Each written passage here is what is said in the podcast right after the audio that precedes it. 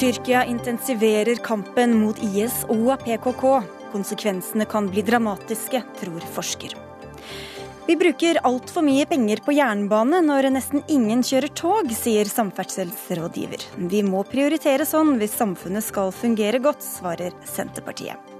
Og lærere på kristne friskoler må ta avstand fra homofile ekteskap. Det gjør Elevorganisasjonen bekymra.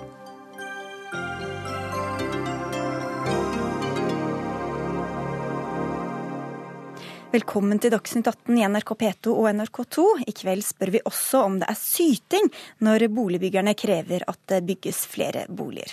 I studio i dag, Sigrid Solund. Tyrkia intensiverer kampen mot terrororganisasjonen IS og kurdiske PKK.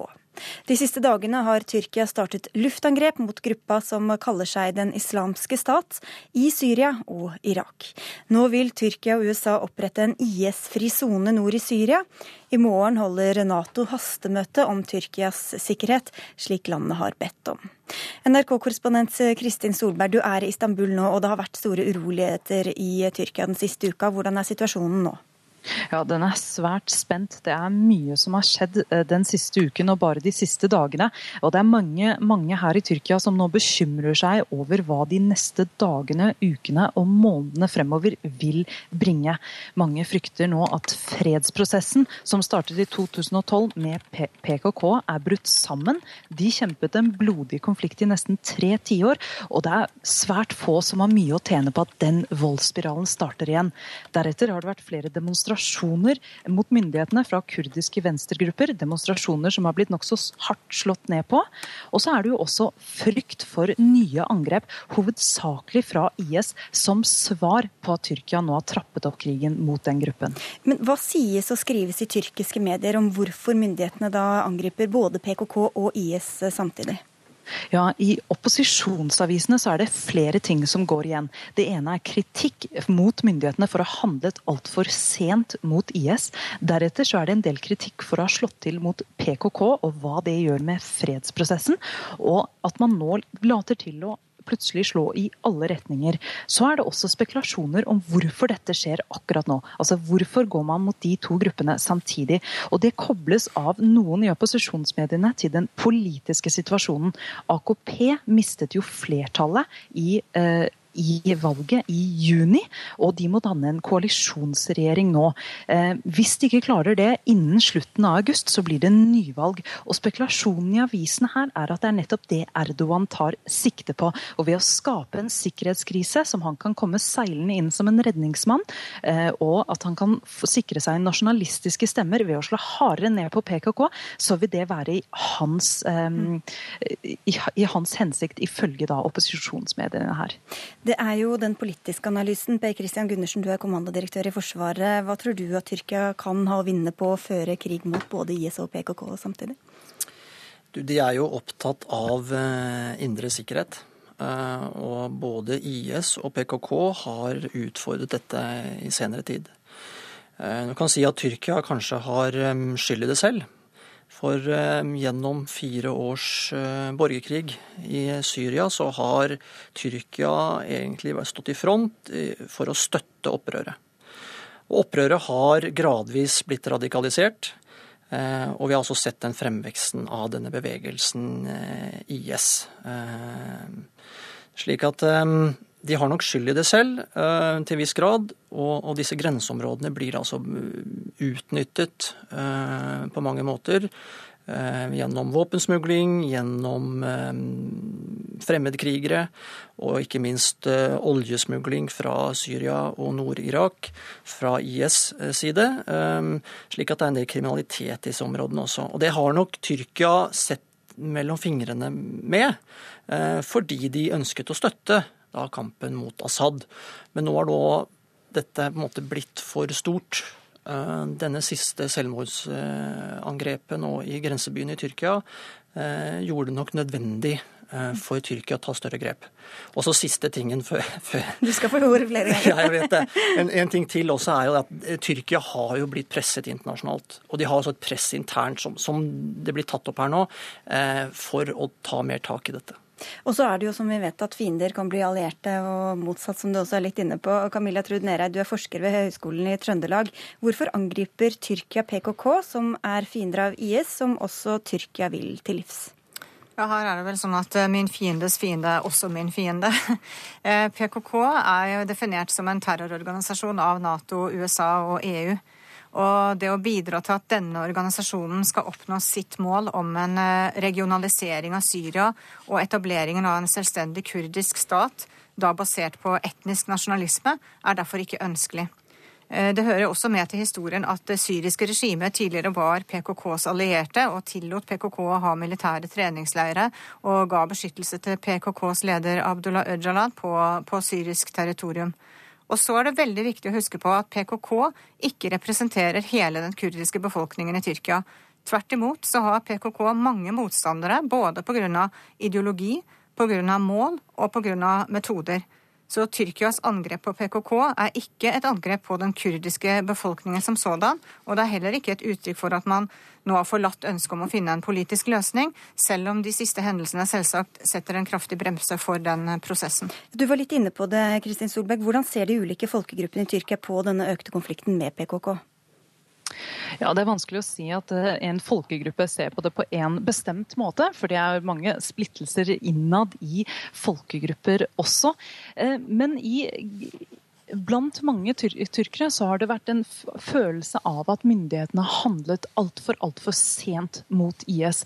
Eh, og Spesielt i grenseområdene, og spesielt blant mange kurdere, så har det vært en sterk kritikk mot myndighetene og, eh, om at de har ønsket et sterkt IS for eh, en svekket, eh, svekkede kurdere både i Irak og Nord-Syria. Mm. Eh, kommandørkaptein Gundersen, eh, Tyrkia er Natos nest største hær. De har 300 eh, 000 soldater. Hva blir de viktigste oppgavene nå når de skal da prioritere oppgavene framover, tror du? I kampen mot IS så, så vil det være å, å, sikre grensene sine. Altså Vi snakker om 800 km eh, ca. Med, med, ganske røft terreng. Det blir som Svinesund til Nord-Trøndelag. Eh, og Det er klart at det er utfordrende å ha kontroll på den grensen. Men, men det er viktig å, å, å ikke se bare militær, bruk av militærmakt isolert. Altså Her er det snakk om å bruke økonomiske, sosiale og diplomatiske virkemidler sammen, eh, orkestrert.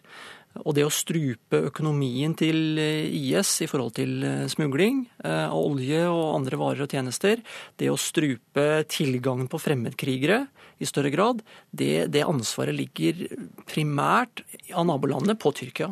Men nå snakker du om IS. Hvor lenge kan det fortsette dersom det også eskalerer denne kampen mot PKK? Uh, som du sier, så, så har de en, en, en stor hær. Uh, og de har mange ulike kapabiliteter. En stor flypark, F-16-fly. De har mye ulikt materiell, relativt nytt og moderne materiell. Så de kan, eh, de kan holde ut lenge med, med, dette. Det jeg tror jeg ikke at de vil, da. Jeg tror nok at det, det er snakk om å måtte signalisere til de radikale gruppene i Nord-Syria at eh, hvis dere kommer innenfor dette området her, så kommer vi til å bombe dere. Så, så, jeg tror nok etter hvert, når man har tatt ut i noe infrastruktur, og, og disse IS-styrkene ser seg tjent med å trekke seg tilbake igjen, så vil nok denne operasjonen som tyrkerne satte i gang, den vil nok eh, etter hvert eh, begrenses i større grad. Det har jo også vært snakk om tidligere at Vesten kunne komme til å samarbeide med de syriske kurderne, Nereid, eh, i kampen mot IS. Hva gjør denne nye konflikten, eller eskalerte konflikten med PKK med den muligheten, tror du? Eh, det er litt eh, vanskelig å si, fordi at eh, den såkalte Folkets forsvarsverk, YPG, som da har den militære forgreiningen av et irakisk-kurdisk parti, har jo et vestlig image og er bl.a. delvis sekulære, og har jo motsatt støtte fra flere vestlige land i kampen mot IS. Men det er et risikofylt eh, anliggende å samarbeide med den type grupper. Eh, Danmark vurderer jo nå å kutte støtten til YPG fordi de bruker eh, barnesoldater, og Human Rights Watch har jo dokumentert at YPG har utført vilkårlige anholdelser av politiske motstandere fra andre kurdiske partier, og at det foregår tortur og drap og forsvinninger i de områdene som YPG kontrollerer. Så det å basere eh, utenrikspolitikken sin på å samarbeide med denne type opprørsgrupper, eh, det er noe som man bør betenke seg på. Så sier Tyrkias utenriksminister at det ikke er aktuelt med bakkestyrker. Hvorfor ikke det, tror du, Gundersen? Jeg tror at eh, bordet fanger. Eh, hvis man eh, involverer seg med bakkestyrker, så er det vanskelig å trekke seg ut. Da vil nok flyktningstrømmen inn i disse områdene som Tyrkia da hadde da gått inn i, blitt fulgt. Og så hadde man hatt vanskeligheter med å trekke seg ut av det. Så dette her er det å bruke luftmakt sånn sett, det, det løser jo ikke problemet i Syria på langt nær. Eh, men det reduserer effektiviteten til IS i disse områdene. Eh, forhåpentligvis såpass mye at de trekker seg ut, og at andre mer sekulære styrker kan gå inn og ta disse områdene. Eh, men, men man ønsker nok ikke å involvere seg mer enn nødvendig. Man har nok nok med det som skjer i Tyrkia, og ønsker å sikre grensen sin primært. Hva tror du Kristin Solberg, at denne offensiven mot IS fra Tyrkia kan få å si for kampen mot terrorgruppa? Ja, det det kan få, Der det kan få en stor effekt, er nettopp i kontrollen av grensen. Der har jo IS utnyttet den porøse grensen til sin fordel, både når det gjelder smugling av, eh, av smuglergods, eh, våpen inn, krigere og fremmedkrigere. Så får man kontroll på den grensen, så kan det få en stor effekt. Men eh, man har jo bombet nå IS i, fra luften i nesten et år, og gruppen er ikke betydelig svekket. Mm. Så dette er et eh, Både i Syria og Irak så er IS et, også et politisk problem som må løse, man må finne en politisk løsning for å bekjempe. Og der ser man dessverre ikke spesielt stor fremgang. Og I morgen er det altså dette mye omtalte hastemøtet med Nato. Hvordan er forholdet mellom Tyrkia og Nato, og hvordan har det vært eh, historisk sett, Trude Nereid? Forholdet til Nato har jo tradisjonelt vært veldig godt. Det nådde kanskje et eh, toppunkt eh, under krigen i Kosovo i, i 99, hvor eh, både tyrkiske politikere og den, den tyrkiske folkeopinionen var veldig positive til Nato. Så har det vært litt kjøligere i seinere tid, særlig pga. Eh, Natos intervensjon i Libya, som eh, Tyrkia egentlig ikke støttet. Men nå med den nye avtalen som har kommet på plass mellom eh, USA og Tyrkia, hvor Tyrkia også gir andre allierte land anledning til å bruke tyrkiske flybaser for å rette angrep mot mål inne i Irak, så har man på en måte forsterket ankerfestet sitt til Nato-alliansen igjen. Og, så, mm, ja. Det har vært én ting jeg tenkte skulle si når det gjelder Tyrkias eh, kamp mot IS. Så er det jo klart at eh, det er en militær kamp, men det er også en ideologisk kamp. Eh, for her snakker vi om eh, et uh, islamsk fundert uh, regjeringsparti i Tyrkia, AK-partiet, som står for en helt annen fortolkning av islam og praktisering av islam enn det IS står for. Sånn at ideologisk også så står disse på hver sin ende av en uh, akse. Mm. Eh, og til dette møtet i morgen, Kristin Solberg, hva er det venta at Tyrkia kommer til å legge fram der på dette møtet med Nato?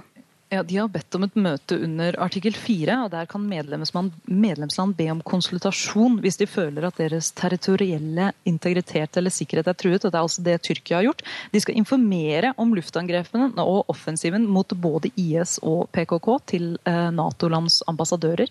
Kampen mot IS får de nok mye støtte for og mye sympati, sympati men det kan eh, nok bli vanskeligere å selge eh, luftangrepene mot PKK.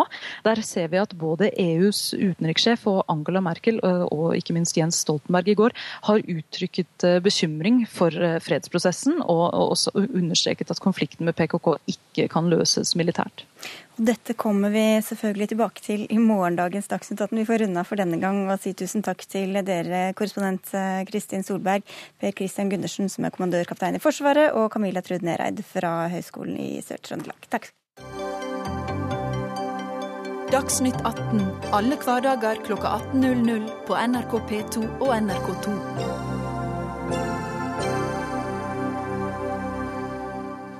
Vi snakker mye om det, men gjør nokså lite av det. Nå skal det handle om togreiser i Dagsnytt 18. Bare 1% av alle passasjerreiser i Norge skjer med tog. Likevel får jernbanen nesten 40% av det statlige samferdselsbudsjettet i 2015. Idar Torbjørn Moe, du er tidligere transportpolitisk rådgiver i Sogn og Fjordane fylkeskommune. Og det er vel du som uh, siteres på disse tallene, og som du også kaller et fantastisk subsidiesluk. Og det mener du ikke på en positiv måte, har jeg forstått? Ja, nå er det jo litt slik at uh, min fortid den ligger i Oslo. Jeg jobba tolv år i Statistisk sentralbyrå med samferdselsstatistikk, og satt også i deres rådgivende utvalg senere i ti år. Slik at jeg kjenner i grunnen uh, muligheten innenfor uh, samferdsel når det gjelder f.eks. energieffektivisering, noe som jeg er veldig interessert i. Det er klart at nå får jernbanen i 2015 17,7 milliarder kroner til eh, Baneverket, og så får vi 3,2 milliarder kroner til såkalt statlig kjøp av tjenester. Dette er 20 eh, milliarder kroner til et system som produserer veldig lite. Og Derfor så tar jeg opp igjen et, noen alternativ som er laga den gangen jeg var i praksis. Der jeg jeg brukte busser i stamrutenett og på lokal veier. Eh, dersom du bruker 20, eh, Jernbanen produserer 3 milliarder personkilometer. Dersom du bruker 20 eh, milliarder kroner til å kjøpe busstjenester, så får du faktisk 30 milliarder personkilometer gratis for brukerne. Hvis du, du tar da i tillegg og setter på en billettpris 10 kroner for å reise under 10 mil og 30 kroner for å reise over, så kan du få inn 15 milliarder kroner. Mm. Og sammenlagt har du da til rådighet 35 milliarder kroner. Og eh, de modellene jeg brukte, det var 12 000 km. Nå blir det mange eh, tall her. Stam, ja, stamrutenett og, og 40 000 Ok. Eh, vi begynner med de tallene du allerede har presentert. Altså mye mer penger igjen for uh, summen når du bruker penger på buss i stedet for tog, Trygve Slagsvold Vedum. Du er leder i Senterpartiet. Hvorfor skal vi da prioritere som vi gjør? Det er kjempeviktig at vi har den type samfunnsdebatter og forskere som kan stille spørsmål. Eh, men vi mente at det var helt rett når vi overtok samferdselspolitikken i 2005 og satse veldig på jernbanen, skulle løse de store utfordringene rundt de største byene. Og det er veldig dyrt. Men eh, skal vi få kommunikasjonen til å fungere, spesielt rundt Oslo, Bergen, Stavanger, Trondheim, spesielt rundt Oslo, som har størst utfordringer, så mener vi at jernbanen har svaret. Og derfor så, klart, Vi kan jo da kritiseres på at vi firedobla investeringene i jernbane og, og overdobla Og det var godt for deg å si det på den måten. Ja, ja og overdobla vedlikeholdsbudsjettet. Men vi mener det var helt nødvendig når vi så hvilken utfordring og hvilken stand jernbanen var i når vi overtok. For jernbanen i Norge har egentlig vært forsømt. Men, nå, men det var en litt annen debatt igjen. Ja, jo, altså, og, da, er det gode prioriteringer, mener du, selv om man ja. kunne fått mye mer penger igjen for å kjøre buss? Men jeg tror det er litt sånn teoretisk. for hvis vi hadde, Jeg tror ikke vi hadde klart politisk politisk og fått eh, oppslutning til en sånn opptrapping av samferdselsbudsjettene som vi har hatt de siste årene, hvis man ikke både hadde satsa på vei og på bane, og at det er en balanse mellom det. Og det som har vært Senterpartiets tilnærming, er at det skal være en, en tredjedel økning på bane, to tredjedeler på vei. Pga. at vei er det aller største området. Og så er det et område som vi er veldig bekymra for, som, er, eh, som, lider akkurat nå. Det er at nesten 90% av veiene våre er kommunale og fylkeskommunale. Og når fylkeskommunene og kommunene nå får dårligere råd, så vil det gå utover vedlikehold av de minste veiene som ja, i gir minst status. Men da liksom ble det mange debatter igjen her. Eh, Torbjørn Moe, det er jo også sånn at togene frakter også varer. Og hvis man går for vei, så får man også mye mer biltrafikk. Ja, det, de har bare 1% av uh av disse her varemengdene også. Slik at eh, vi har 3 milliarder tonnkilometer på jernbane, og så har vi 20 milliarder innland, rent innenlands på vei, og så har vi ytterligere 30 milliarder på de lange transportene til utlandet, så er det 50 milliarder. slik det er en stor differanse. Og skip tar veldig mye mer enn dette, slik at jernbanen er veldig liten der også.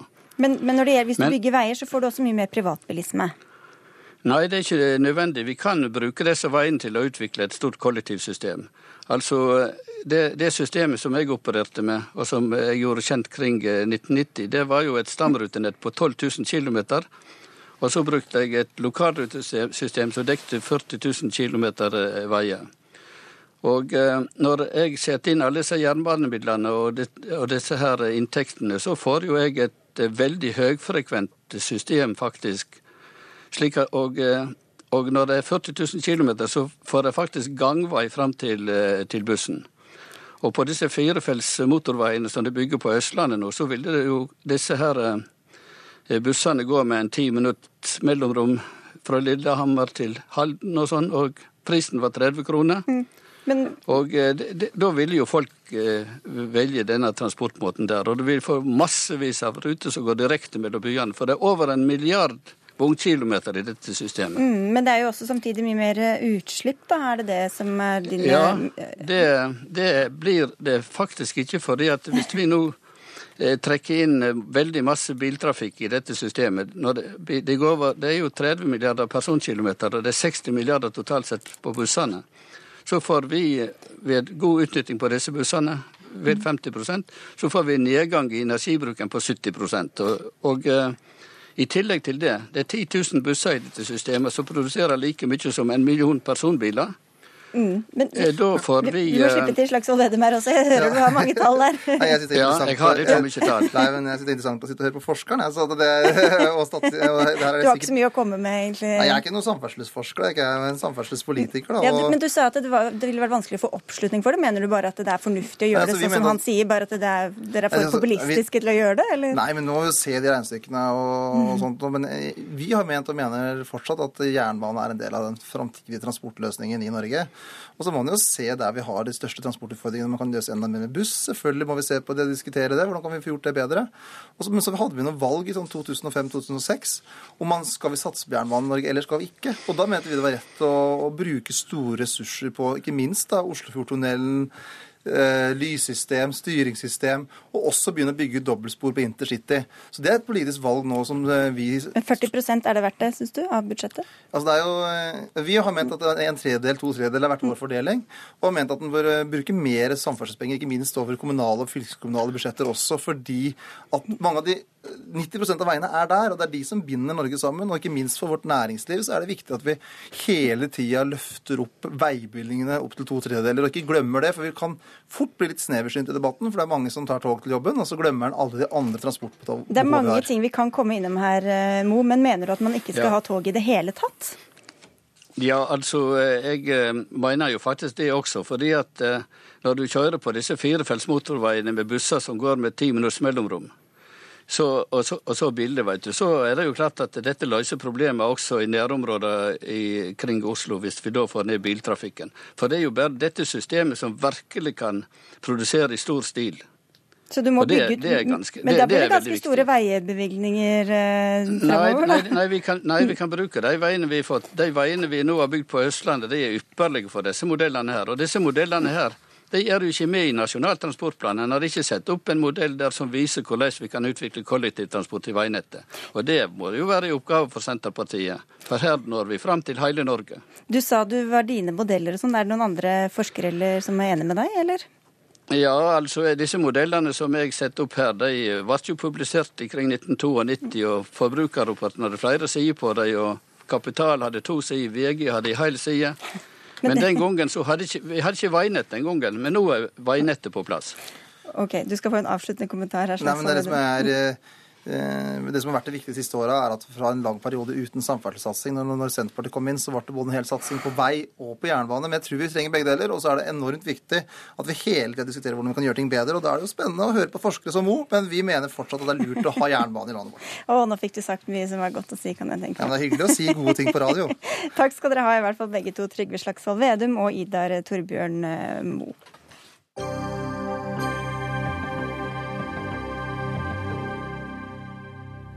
Hvert år bygges det 10 000 for få boliger i eh, Norge. Det mener i hvert fall Boligprodusentenes forening, og spiller ballen videre til politikerne. Men boligbyggerne må slutte å syte og selv sørge for å bygge raskere, sier du til Dagsavisen, Thomas Bartholsen. Du er fagdirektør i Forbrukerrådet. Hvordan mener du at eh, boligbyggerne syter? Ja, Hvis boligmangelen er noe i nærheten av det som boligprodusentene hevder, Eh, så må de skynde seg og sette i gang og bygge.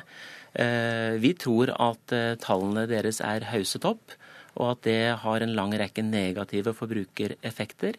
Vi tror at forbrukerne når de stadig leser oppslag i media fra boligprodusentene om at det, det mangler tusenvis av boliger, så føler de at de liksom handler en, en vare som det er mangel på. og Derfor så går de høyere i budrundene, og de forhaster seg oftere i bolighandelen. Så de skriker ulv og presser prisen opp? Det bidrar til det, ja. Ehm, ja, Per Jeger, du er direktør i Boligprodusentenes eh, forening. Forsøker dere å skremme forbrukerne til å få dem til å betale mer? Nei, absolutt ikke. Vi prøver faktisk å få et eh, bedre balanse i det markedet. Vi er mer bekymra for den si, sterke prisveksten vi har hatt i de sentrale strøk, som f.eks. Tromsø og Oslo. Og, så vi prøver heller å fortelle at vi trenger langt flere boliger. For den eneste måten å dekke dette sterke behovet fordi vi blir langt flere, er å bygge flere boliger. Men ja, Du mener at det ikke er så stor boligmangel altså, i det hele tatt? eller? Hvis eh, de tallene fra boligprodusentene stemmer, at det er såpass stor mangel, så er jo min utfordring til byggebransjen hvorfor bygger dere ikke da? Eh, det er jo tomter, eh, det er massevis av tomter, massevis av nye områder som er planlagt for boligbygging. Men vi ser at utbyggerne bruker 5, 10, kanskje 15 år å bygge ut et nytt område med boliger. Og det forteller jo det, det, røper jo på en måte sannheten i denne debatten, nemlig at boligprodusentene bygger bolig bare så raskt som de klarer å få solgt dem. Og det reflekterer jo at vi har et system for, bolig, for å fremskaffe boliger i Norge som i grunnen er ganske sunt. Ja, det er klart at Vi bygger ikke flere boliger enn det vi får solgt. og Det er jo det samme som finansinstitusjonene. Men Hvordan kan det da være for få boliger? Jo, men fordi at Hvis du ser på hvor mange mennesker vi flere vi blir. Altså Vi bygger langt flere skoler, barnehager, domstoler, sykehus, fordi vi blir langt flere. Altså SSB legger til grunn at vi blir en 50 000-70 000 mennesker flere per år. Og da må vi faktisk øke den produksjonen av eh, nye boliger enn det vi klarer i dag. Og da tror jeg faktisk det er viktig at vi går sammen og har en felles dugnad.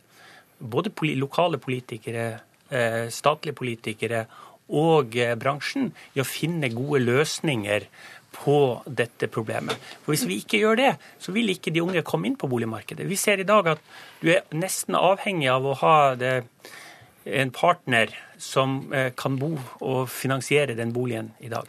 Men, men, det er jo prisene. Men hvorfor bygger dere ikke der hvor dere har fått tillatelse til å bygge? Fordi, altså, hvordan altså, kan det, da være boligmangel hvis dere ikke får solgt de leilighetene dere kan bygge? Det tar altså fra tre til ti år å få gjennom en reguleringsplan. Det er ikke bare å søke om en eh, rammetillatelse, som er byggetillatelse fra, fra myndighetenes side. Vi må også faktisk eh, omregulere. Og mange av de områdene som er f.eks.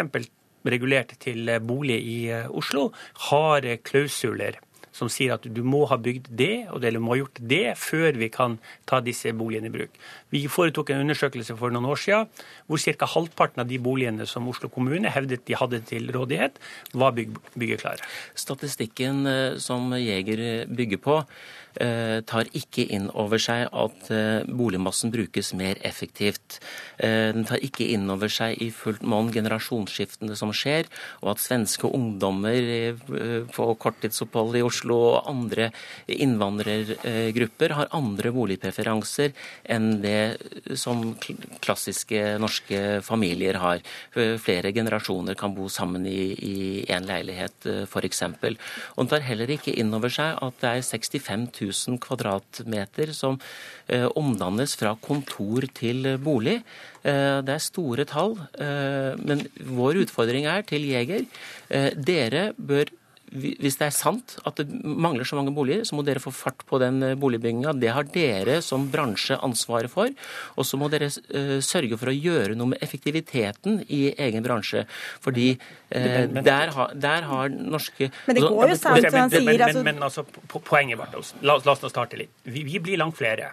Eh, når vi blir flere, så trenger vi flere boliger. Når eh, de som er, Vi får bli langt flere som blir eldre. Det betyr at langt flere bruker en man bor alene i bolig. Og Det er jo faktisk et ønske fra regjeringas side at man ikke skal flytte på institusjoner. Vent, vent litt nå.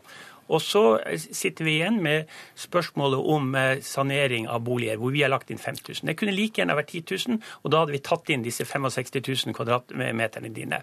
Så poenget er at det som du bør ta inn over deg, og det er i forhold til forbrukerne, det er at eh, boligprisene i enkelte deler av dette landet har så sterk virkning Dette er jo helt feil. Jo, det, altså, nei, det, er ikke nei, når feil. Du 10 000, altså de 5000 eh, det, det regnestykket går jo du, du, du, I stedet for å trekke fra, så legger du til. Ja, men det er fordi jo- at, jo, helt- det er jo helt meningsløst Men bruk altså, la av oss ikke statistikk. Eh, bare For, for, for å si sånn, Det som er viktig når vi skal diskutere dette, er at vi har en boligprisvekst i dette land som regjeringa faktisk syns er veldig alvorlig. Og som vi også er enig i alvorlig. Da må vi finne andre måter å gjøre dette på enn det vi allerede i dag gjør. Vi må bygge høyere, vi må bygge billigere, og vi må få dette til å kunne fungere på en ordentlig måte. Og det burde jo også vi- være vi- forbrukernes ja, interesser. Vi, altså, eh, i åren, altså Politikerne legger til rette for boligbygging. De legger til rette for flere mindre leiligheter. De legger til rette for regulering av tomter og for eh, satsing på kollektivtrafikk. Politikerne gjør eh, en stor innsats for å få fart på boligbyggingen. Og norske kommuner generelt er veldig interessert i å få eh, fortgang på boligbyggingen. Så hvis det da stemmer at det mangler boliger, så er utfordringen til byggebransjen. Nå må dere reagere. Du antyder at de tjener ganske fett Ja, på den ordningen som det er dag? Veldig, det er veldig gunstig. Når boliger selges veldig raskt, så er det gunstig for boligprodusentene og eiendomsmeglerforetakene. Og når de går til høy pris, er det selvfølgelig ekstra gunstig for dem. Og eier boligprodusenten selv tomten, så er det klart at tomteverdien også stiger. Så det er veldig gunstig å gjenta disse påstandene som vi, som vi stiller store spørsmålstegn ved, fordi vi mener at de ikke tar inn over seg utviklingstrekk. Men så skal jeg si én ting, og det er at i årene som kommer, så vil det være, hvis befolkningen fortsetter å øke, så vil det være behov for boligbygging. Og derfor er det veldig bra at kommunalministeren og at kommuner i Norge eh, gjør disse grepene for å få til en effektiv produksjon av boliger, slik at vi forbrukere slipper å betale mer enn nødvendig. Men altså, det, det som er, er, Problemet er jo at vi har en prisvekst i dette landet. Og vi har fått priser på dette nivået som gjør at vi Dere er jo med- er å presse opp kan, de prisene. kan ikke jeg få lov å fullføre et eller annet resonnement her, Bartholsen? Det hadde vært veldig greit. Takk. Eh, Det er at vi sitter med et prisnivå som gjør at du har en fortjenestenivå mellom 3 og 13% Og det er ikke eh, mye når vi ser hen til hvordan dette markedet er av risiko. Ved at vi hvis vi går tilbake til 2008, så solgte vi ikke en eneste bolig. Og vi produserer ikke boliger for eh, det som går inn til hvor man har på lager. Derfor tar det lang tid å selge boliger i nyboligmarkedet, i motsetning til bruktmarkedet. Det virker som om Forbrukerrådet her blander sammen både bruktmarkedet og nyboligmarkedet. I, i, I 2013 så, hadde, så stanset boligsalget helt opp, og det var til tross for at dere hadde påstått allerede i flere år at det var boligmangel. Ja, men Det var jo da vi fikk nye regler som trådte i kraft, og fra myndighetenes side som gjorde at eh, prisene gikk så mye opp at markedet ikke var villig til å ta det. Vi får avslutte der og takke for at dere kom begge to, Thomas Bartholsen fra Forbrukerrådet og Per Jeger fra Boligprodusentenes forening.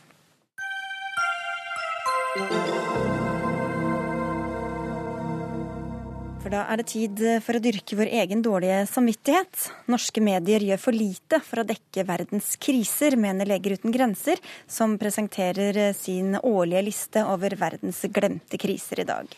På lista er bl.a. de ni millionene som utvikler tuberkulose hver dag, barn som ikke får hiv-behandling, og epidemiene som herjer i Tsjad mens legene glimrer med sitt fravær.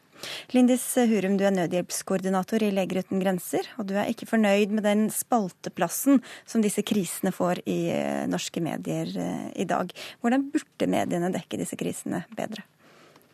Nå har vi valgt ut disse ti nettopp fordi vi har sett på hvor mange artikler eh, både på radio, TV og avis det har fått det siste året. Så det er jo basert på at det rent faktisk har fått få, få lite oppmerksomhet. F.eks. så har krisen i Kongo fått kun 18 artikler i hele fjoråret. Og det mener vi jo eh, det absolutt eh, fortjener mye mer oppmerksomhet enn som så. Samtidig er det jo mange kriser vi også hører mye om. Hvor mange tror du at lesere og lyttere klarer å engasjere seg i samtidig? Jeg har forståelse for at vi kan ikke skrive om eh, disse krisene hver dag på alle forsidene, at eh, man kan lett føle på avmakt og at det er håpløst. Eh, Men allikevel så tror vi, og mener jeg sterkt, at det er rom for mer. eh, Og også bedre og annerledes historier som gjør at vi kjenner oss igjen i disse menneskene og ser oss selv i dem, og dermed blir berørt, enten sinna eller lei oss, og får lyst til å hjelpe. Vi kan komme litt tilbake til det, men også når dere skal samle inn penger til ting, eh, til, til å drive nødhjelp, så må jo dere også fokusere på én ting, enten det er ebola eller det er hiv eller malaria. Én ting av gangen, vil jeg tro. Ja, både ja og nei. Vi prøver å fokusere bredt eh, på, i alle de over 60 landene vi er til enhver tid, og prøver å ikke løpe etter medienes kamera. Men åpenbart, vi kan også gjøre vår jobb bedre, og jeg kan gjøre min jobb bedre å formidle historiene til de menneskene jeg møter, på en enda bedre måte. Arne Jensen, du er generalsekretær i Norsk redaktørforening. Får du litt eh, dårlig samvittighet nå, eller? Ja, for så vidt. Jeg må kanskje i åpenhetens navn begynne med å si at jeg eh, er jo såkalt feltpartner i Leger uten grenser, så jeg betaler et lite månedlig beløp hver, hver, hver, måned for å støtte det. det. viktige arbeidet som dere gjør. Det er helt inhabil, altså. Også, ja, det var liksom i grenselandet, følte jeg. Men eh, også så syns jeg det er helt flott at Leger uten grenser drar opp konflikter og lager en sånn liste en gang i året for å minne oss om ting som vi kanskje ikke har, har satt så mye søkelys på i det året som har gått. Og, så, og, og dårlig samvittighet, ja, men det blir når Leger uten grenser skal beskrive norske mediers dekning av utenlandske kriser, så blir det som når norske medier skal beskrive eh, graden av innsyn i norsk forvaltning. Vi blir aldri fornøyde. Det er garantert. Og dere kommer aldri til å bli fornøyde med norske medier, og dere skal ikke være det heller. Det er eh, en viktig funksjon dere har, å minne oss om de tingene som dere minner oss om. Det er det ene. Så syns jeg nok eh, at det er et par ting som jeg stusser litt på i kritikken. og Det ene går på hva man definerer som en krise. Eh, fordi på den lista over ti kriser, så mener jeg det er i hvert fall man kan definere fire, eller egentlig fem, som ikke er kriser i betydningen at de er akutte kriser, men det er gjennomgående tematikker. Det handler om, om eh, farefulle aborter, det handler om hiv, som det har vært omtalt mye omtalt i norske medier. Bekjempelsen av hiv, medisinprisen, muligheten for å få ned den muligheten for å få frem medisiner, men kanskje ikke i 2014. Mm. Sånn at eh, ja, det går litt eh, opp og ned. Og så er jeg selvfølgelig enig i det som, i det som debattlederen antydet, at, at det er klart vi kan ikke ha vi kan ikke ha fokus på, på, mange kriser samtidig. For det første har vi ikke da fokus på noen ting. Fokus er å sette søkelyset noenlunde ett sted. Og så er det grenser for hvor mye vi kan ta inn over oss av gangen uten at folk bryter sammen av alle krisene. For det er nok av kriser å ta, vil jeg tro. Hvordan kan vi klare å ta innover alt sammen? Eh, altså, eller hvor mye klarer vi å ta innover oss samtidig, samtidig, som vi skal fungere greit som eh, mennesker? Jeg tror i hvert fall vi greier å ta innover oss veldig mye mer enn det vi gjør per i dag. Og jeg er ikke ute etter så veldig å gi folk dårlig samvittighet, egentlig. Jeg er mye mer ute etter å skape et engasjement. Eh, jeg er genuint forbanna på at verden er som den er. Jeg har møtt disse menneskene og vært i disse krisene. Sett at det er mennesker som meg, og jeg syns at de fortjener en sterkere stemme i, i, Norge. Så det er ikke så mye dårlig samvittighet, det er mer det, det var meg, det var jeg som skulle ha fram det.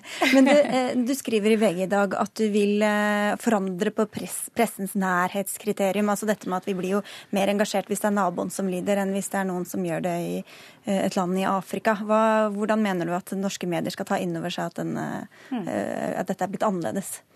Ja, det er, det er, naturlig selvfølgelig å bry seg mer om som, de som man kjenner og som er nære. Det, det, det, vet jeg, og det forstår jeg veldig godt. Eh, jeg bare stiller spørsmål om er det Kan vi snakke litt om det? Hvor, hvor nært skal det være? Eh, er ikke, altså I dag så er verden nærmere, da. Eh, det er bare en flyreise unna. Vi er mye mer mobile. Eh, det som skjer eh, veldig, veldig kort avstand fra oss, faktisk, påvirker oss enten vi vil eller ikke. Og f.eks. en av krisene som, som er på lista, er jo at det dør nyfødte i Pakistan hver eneste dag. 500 nyfødte.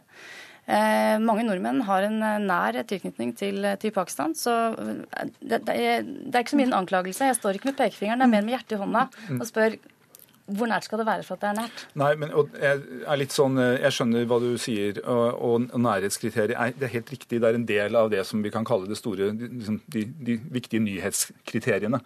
Eh, men jeg tror ikke at nærhetskriteriet er, er medieskapt det er en følelse vi går rundt med inni oss, nemlig at det er mye lettere å engasjere seg eh, overfor naboen eller de som bor 1000 mil unna. Det tror jeg er nokså allmennmenneskelig og nokså sånn uavhengig av historien, også av internett. Eh, så, så, så, jeg er litt sånn at du hekter det på at vi har skapt et, nyhet, et nærhetskriterium, er jeg litt usikker på. Og så tror jeg ikke, verken for å sette det på spissen, du eller jeg vil ha et samfunn hvor det er sånn at du tråkker over naboen som har brekt beinet, som er eksempelet du bruker her, eh, fordi vi har ikke tid til å hjelpe, fordi vi skal samle inn penger til en sultkatastrofe i India. Det tror jeg blir et rart samfunn. Men ja, nei, det er, det er ikke det. Nei, jeg, jeg, jeg, jeg, skjønner det, men bare for å si at det vil være sånn at det som er nært, det skaper større engasjement. Og så er jeg helt enig med deg, og det påpeker du ganske godt i, i kronikken din, at historiene som vi må få frem, er kanskje noen andre historier. Altså Måten å fortelle historiene på kan kanskje være annerledes eh, i noen tilfeller. Eh, og det kan hende at vi må, må gjøre andre prioriteringer. og Dette er en, en, en, et innspill i, til norske redaksjoner til det, og det syns jeg er bra. Men vi er, Når vi snakker om det nære, så er det jo gjerne enkeltskjebner eh, vi engasjerer oss i, enten det er her eller der. Men hvordan skal vi unngå at det blir bare enda mer sånn elendighetsjournalistikk, enten det er fra Tsjad eller det er fra Buskerud, eh, og at vi dermed kanskje går glipp av de strukturelle, store, store temaene? Ja, Det er en balanse. Man må jo også snakke om det strukturelle. Men eh, jeg for eksempel, har jo også et ansvar med å fortelle historier om mennesker jeg møter, på en nær eh, måte som gjør at, at eh, leserne og seerne kjenner seg inn i dem. Eh, men det har jo også da redaktørene å, å, prioritere, og ikke bare fortelle om det elendige, de store tallene. Det handler ikke om søte barn som lider.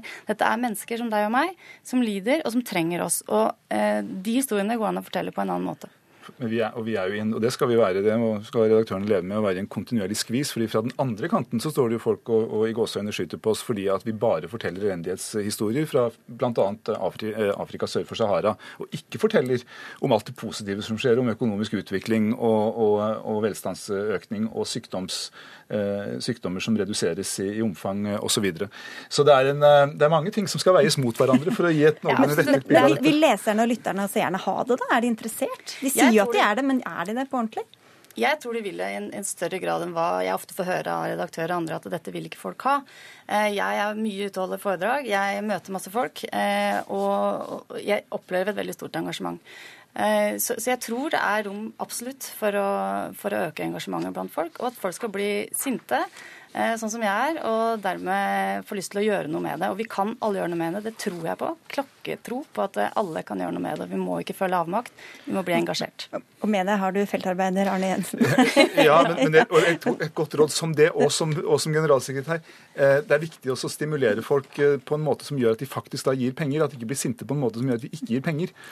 Og det er en, det er en viktig inngang til det. Ja, men det handler ikke bare om penger. Vi vil også at folk skal, Det begynner med kunnskap informasjon, og derfor vil jeg lansere denne lista i dag. Folk må få mer informasjon. Og nå har de i hvert fall blitt informert eh, i noen grad. Takk skal dere ha begge to, Lindy Surum fra Leger uten grenser og Arne Jensen fra Norsk redaktørforening. Hør Dagsnytt 18 når du vil. Radio NRK Radio.nrk.no. Såkalt ekskluderende arkitektur preger mange byer og skaper heftig debatt. Kampesteiner under broer, skiller på benker og pigger i vinduskarmer er eksempler på tiltak som skal hindre at folk legger seg ned og hviler på steder som ikke er tenkt å fungere som det. Nå sist et eksempel fra Oslo som har skapt en del harme, nemlig benker med armlener mellom, som gjør det umulig å legge seg ned. Hilde Poko, du er politisk talsperson for Miljøpartiet De Grønne, og dere liker ikke dette. Hva er det som er så farlig med disse benkene, f.eks.? Sånn som de er utforma nede ved Bjørvika, ved utløpet til Akerselva, så er det helt klart at meninga er at folk ikke skal sette seg ned og kanskje legge seg ned og ta en hvil, kanskje gjennom natta, i det området. Eh, for det har tidligere vært et område hvor flere har søkt til for å f.eks. hvile seg gjennom natta. Og vi mener at eh, med en sosialpolitikk som stadig blir strammere for eh, utsatte grupper mennesker, så er dette det siste leddet i å forfølge en gruppe mennesker som har behov for å ta det offentlige rommet i bruk, når vi andre kanskje ligger hjemme i sengene våre. Ja, For du antar at det er utformet sånn for at ikke f.eks. romfolk eller uteliggere eller andre skal legge seg ned som det er mye som tyder på det, fordi det er ikke bare de her benkene. Hele det området er utforma sånn at det ikke skal være enkelt å, å finne en plass å hvile seg på mm. Eh, der nå. Guri Melby, du er miljø- og samferdselsbyråd for eh, Venstre i Oslo. Eh, de som har bygget disse, er Bjørvika Utvikling. De jobber for dere. Hvorfor har benkene blitt sånn de er blitt? Eh, først vil Jeg si at jeg er veldig glad for at vi har fått en debatt om hvordan vi kan gjøre offentlige rom i Oslo mer inkluderende. Det tror jeg er en viktig debatt å ha. Men jeg mener at MDG baserer debatten på litt feil premisser. Hilde Opoku sier nå at disse eh, benkene er lagd med den hensikt at folk ikke kan ligge på dem. Jeg har hatt dialog med Bjørvika Utvikling etter at jeg ble kjent med disse benkene, og de er veldig tydelige på at det har aldri vært intensjonen. Hvis du går omkring nå i Bjørvika, og særlig på Sørenga f.eks., som nå, der vi akkurat har åpna et nytt sjøbad, så ser du at vi har ganske store offentlige byrom som egentlig er utforma på ganske forskjellige måter. Og det finnes hundrevis med meter av sitteplasser og liggeplasser i området uten armlener. Men akkurat her så valgte de å sette opp noen benker med armlener. Eh, mest av en sånn estetisk funksjon, men også fordi at det finnes grupper som setter pris på armlener. Det er enkelte eldre som syns det er litt vanskelig å reise seg f.eks. fra vanlige benker, og som har etterlyst benker med armlener. Så, så, jeg mener jo egentlig ikke at dette er et så veldig godt eksempel på ekskluderende arkitektur. Eh, men jeg vil gjerne som sagt ta en debatt om hvordan vi kan gjøre byen vår enda mer inkluderende, og hvordan vi sikrer at alle disse nye offentlige byrommene blir inkluderende for ulike grupper gruppa. Hvor detaljert mener du at byrådet skal gå gjennom hver benk eller hver utsmykning for å sikre at det er passe med benker som er sånn eller sånn? Vi tenker at det er viktig at bystyret og kommunestyrer rundt omkring i landet har en retning på hva slags byutvikling de vil ha. Og inkluderende byrom er en veldig viktig sak, fordi at uh, stadig flere mennesker beveger seg ut. Vi har uh, nye landsmenn som faktisk er mye flinkere enn det vi har vært til å bruke de offentlige rommene våre. Og vi ser en tendens til privatisering, og vi ser også en tendens til en slags fiendtliggjøring. Og da, når vi oppdager at kanskje ikke intensjonene helt blir implementert, iverksatt sånn som vi har tenkt, så syns vi at det er riktig å si fra om det, sånn at ikke dette her er en utvikling som skjer uten at noen har villa det, sånn som det kan høres ut som og at vi kan stoppe det og gi tydelig tegn på hva det er vi ønsker med byene våre. Men Dette er jo ikke bare i Oslo, det er jo i mange byer og steder rundt omkring i Norge. Men er det ikke greit at man f.eks. Et, eh, et bygg sier at her vil vi ikke ha folk som skal ligge, her lager vi noen pigger for å ikke ha noen som kanskje støter fra seg eh, potensielle kunder eller noe sånt noe? Nei, Det mener jeg absolutt ikke er greit. Og jeg syns at mange av de eksemplene vi har sett fra rundt omkring i verden, eh, er ting som jeg slett ikke ønsker i Oslo.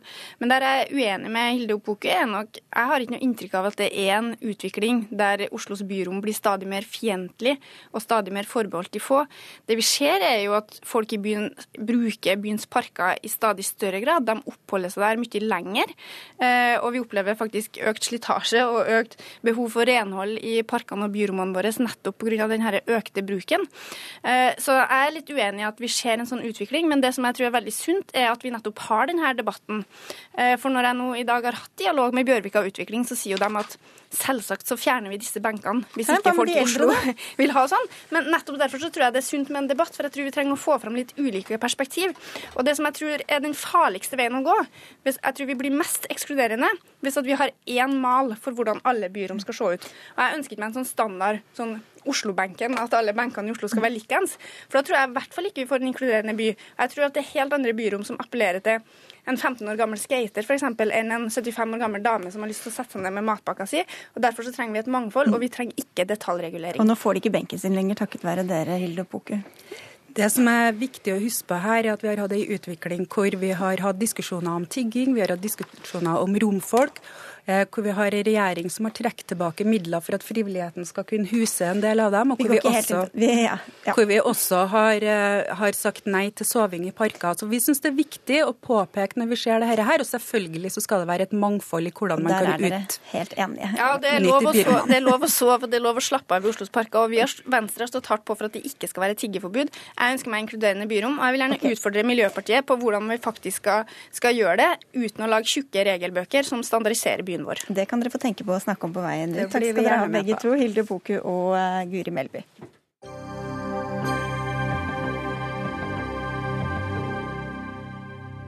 Lærere på flere kristne skoler i Norge er nødt til å ta avstand fra homofilt ekteskap. Norsk luthersk misjonssamband ber lærerne stå inne for et verdidokument som bl.a. slår fast at ekteskap skal skje mellom mann og kvinne. Øyvind Aasland, du er generalsekretær i Misjonssambandet. Hvorfor må lærerne stille seg bak dette? Ja, Vi eh, har fått tillatelse av staten faktisk til å drive skole basert på eh, våre verdier, som er klassisk kristne verdier, bygd på Bibelens budskap. Og Dermed så er det eh, naturlig for oss at vi beskriver hva vi tenker et ekteskap eh, skal være mellom mann og kvinne. Og det er grunnen til at det er med i vårt verdidokument. Men Hva får dette å si for hva lærerne sier til elevene både i og utenfor klasserommet? Ja, Våre verdier eh, skal jo eh, gjennomsyre all undervisninga vår. Vi er opptatt av å ha et godt alternativ til den offentlige skolen, som er pedagogisk og faglig helt eh, på topp. Og så er vi altså et tydelig verdialternativ, og, og vi ønsker at læreren skal stå for det og undervise det. Kristoffer Hansen, du er leder av Elevorganisasjonen, og dere er blitt litt bekymra over dette dokumentet. Hvorfor det? Ja, jeg blir bekymra for at det her handler om hvilke signaler denne skolen sender ut til norske elever. Hvilke signaler elever i en alder der man ikke nødvendigvis har funnet ut hvem man sjøl er, hvilke signaler man da får. Altså Én ting er om, om, læreren din er heteroseksuell, men en annen ting er om du ikke får lov til å ha en lærer som er homoseksuell. Og de signalene der det tror jeg er helt feil signaler å sende ut til dagens 16-åringer, som er veldig usikre ofte. Ja, for det, det, er ikke lov, eller Dere ansetter ikke en, eh, en eh, homofil mann eller kvinne som er samboer eller gift? Aasland? Det stemmer det at vi ansetter ikke eh, homofile som lever i et samboer- eller partnerskapsforhold. Og på samme måte som ja, politiske partier f.eks. ansetter folk som vil stå for den partipolitikken som det enkelte partiet representerer, så er altså vi et verdialternativ, og vi ansetter folk som står for samme verdi som oss. og Det er derfor vi får statsstøtte. Nå er det jo gjerne ikke eleven selv, men kanskje foreldrene som bestemmer at, eh, at du skal gå på denne skolen. Hva slags uh, møte får en ung homofil med skilte foreldre f.eks. For hos en eh, lærer på deres skoler? Ja, Min erfaring er at det er veldig gode møter. Vi har jo flere skoler, da, videregående og grunnskole, og andre typer òg. Der ehm, lærerne er veldig opptatt av å møte elevene på en eh, god og respektfull og åpen måte. og de har faktisk ganske god tid til elevene òg, så jeg tror de gjør det på en kjempefin måte. Hvordan tror du det er, Hansen, for en homofil eh, elev å gå på en sånn skole? Jeg tror det må være veldig forvirrende. Og vi ser et par av de eksemplene som har vært skrevet om, har jo også vært internatskole. Da har du da på en måte den samme læreren i skoletida og også etterpå. Da kan vi se for oss problemene hvis du i seksualundervisninga mellom klokka åtte og klokka tre lærer at homofilt ekteskap det er greit, og du lærer om ulike kjønnsroller. Og så kommer du får den samme læreren i andakt klokka kvart over fem, og da er det plutselig kun det tradisjonelle ekteskap som er riktige. Så klart vil det være frustrerende dobbeltroller. Og det står jo sjøl i dette verdidokumentet at disse lærerne skal være forbilder, både i skoletida og utenfor skoletida. Da sier det seg sjøl at det blir en konflikt når mm. lærerne får doble roller. Du skal få svare, Osland, men vi skal først høre også fra deg, Trond Giske. Du er leder av utdanningskomiteen på Stortinget fra Arbeiderpartiet. Hva syns du om dette verdidokumentet og det som står der? For det første er det riktig som det er sagt at eh, skolen har anledning til å f.eks. spørre søkere til jobb om de lever i et homofilt forhold eller ikke. Eh, jeg skulle ønske at det ikke var sånn. Jeg skulle ønske at vi hadde kommet så langt at også du har vel vært med på å gi dem lov til det? Ja da, og det er jo ikke mer enn 40 år siden det var forbudt å være homofil i Norge. Så eh, verden går framover. Jeg skulle ønske at den gikk raskere framover, at den også gikk raskere framover i kirka og i slike skoler, men vi får ta tida til hjelp. Det har de lov til eh, å spørre ansatte, men det er veldig stor forskjell på hva du spør eh, potensielle søkere til jobber på skolen om, og hva du formidler til elevene. Fordi eh, Det er helt riktig som du spurte om her, at disse elevene har jo ofte blitt plassert her kanskje av foreldre. Eh, du er i en veldig sårbar tid. Det er denne tida du finner ut hvilken seksuell legning du har. Eh, og det er ganske traumatisk, noen historier hvor ungdom blir pressa mellom sin faktiske legning, som de ikke velger, eh, det er i hvert fall min tro på det, og sin religiøse tro. Vi har dramatiske historier, tragiske historier hvor folk har tatt livet sitt pga. et slikt krysspress. Det er et enormt ansvar som denne skolen tar på seg hvis man formidler til disse ungdommene at den legninga de faktisk da eh, har, eh, er syndig. Du sa det skulle gjennomsyre alt, eh, Aasland. Hva slags råd vil en ung og forvirra jente eller gutt som tror at han eller hun er homofil, få fra en av lærerne? Ja, det, Jeg kan jo ikke sitte her og, og, og, si hvordan lærerne vil løse det, men, men, det vil jeg gjøre på en veldig god og respektfull måte. Og nettopp fordi at lærerne på våre skoler tilbringer Hvordan vet du det, da? Fordi at eh, jeg sjøl har gått på en sånn skole, og mine barn har gått på en sånn skole, og mange som jeg kjenner eh, gjør det. Og mange med er de homofile ulike, også, eller? Mange med ulike livssyn og ulike tanker om seksuell legning er på våre skoler. Og mm. min erfaring er at de blir møtt på en veldig god måte. Og jeg håper jo at uh, Trond Giske og andre politikere fortsatt vil ha et samfunn der en såpass stor minoritet som jeg faktisk representerer, kan få lov til å drive skole på det verdiet verdigrunnlaget som vi ønsker. Hvis ikke, så er vi på vei mot en stat mm. som eh, jeg tror veldig få ønsker seg. Jeg skal spørre Giske om det, men først må jeg bare høre med deg også, Hansen. Har vi noe grunnlag for å si at man ikke blir møtt på en god og respektfull måte som ung og potensiell homofil eller andre problemer? Nei. ikke, at homofili er et problem, men bare rett opp i det med en gang. Ja. Nei, altså, nei, De hevder jo at de klarer å skille da mellom når de er i formell undervisning og når lærerne ikke er det, og, og at man allikevel klarer å gi en livssynsnøytral undervisning. Og, og, Det må jo sant sies at hvis denne, denne skolen får statsstøtte, og for å kunne få statsstøtte, så må det også kunne gi en tilsvarende opplæring som en offentlig skole ville gjort. Da legger vi jo til grunn at de må f.eks. For fortelle at, at, abort er riktig, og også homofilt ekteskap er riktig. Men, men, jeg tror ikke på det når det står at lærerne skal være forbilder både før og etter skoletid, og lærerne må være av, av å ha tradisjonelt ekteskap. Det blir en dobbeltrolle som lar seg umulig gjennomføre. Ja, for Du sa også Osland, at det skulle gjennomsyre også undervisningen. Hvis jeg husker rett, Sier dere da i undervisningen at homofili er eh, naturlig og fint, eller abort er greit og sånn? I vår undervisning så er vi veldig opptatt av å eh, få fram bredden i veldig mange ulike synspunkt på veldig mange områder, også når det gjelder seksualitet. Og så er det sånn at vi har faktisk fått statsstøtte for å være et verdialternativ.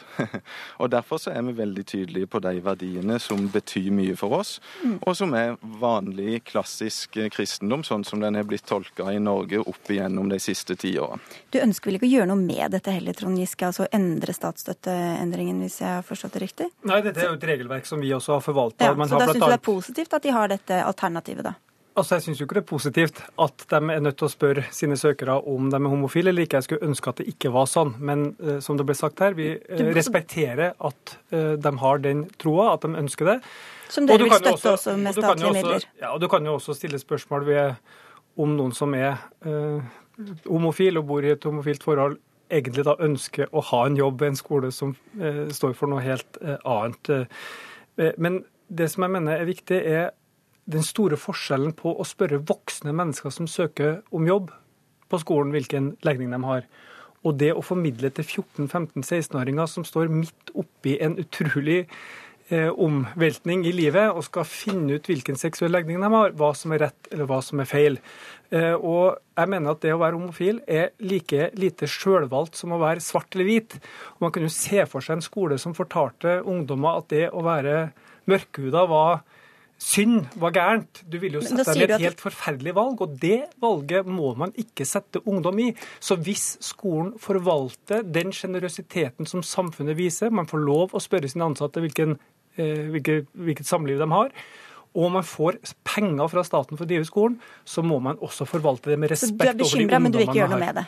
Jeg vil passe på å se etter at skolene oppføre seg overfor ungdommer i en sårbar fase slik de skal, og det håper jeg, den klokskapen håper jeg man viser. Skal du få slippe det, Hansen, før vi lar Aasland få svare? Ja, jeg, jeg, må spørre Aasland for en ting. For, for du, du, sier at det hevder at alle elever her, selv om de er homofile, selv om de har uh, ulike verdier sjøl, blir møtt med respekt på skolen deres. Jeg må få lov til å sitere fra deres eget verdidokument, der det står at menneskelivet er ukrenkelig fra unnfangelse til naturlig død, og stiller deg spørsmålet hva ei 16 år gammel, ufrivillig gravid jente, hvilke råd hun hadde fått når hun hadde møtt helsesøster som har signert på dette dokumentet. Da skal du få svare på det til slutt her, Aasland. Ja, her er det mange eh, konkrete spørsmål, og jeg vil invitere både Hansen og Giske til å komme en tur når skolene våre starter til høsten, og komme innom og se, diskutere med lærere og se hvordan vi faktisk driver vår virksomhet. Det er åpent for for alle å se. Da er det notert, men da kan du svare på det siste spørsmålet fra Hansen. Hva ville denne jenta blitt svart med? Ja, som sagt så kan jo ikke jeg sitte her som generalsekretær i Norsk Luthers Misjonssamband og ansvare for mange skoler hvordan eh, alle sånne saker blir løst, men vi mener at abort eh, bør unngås.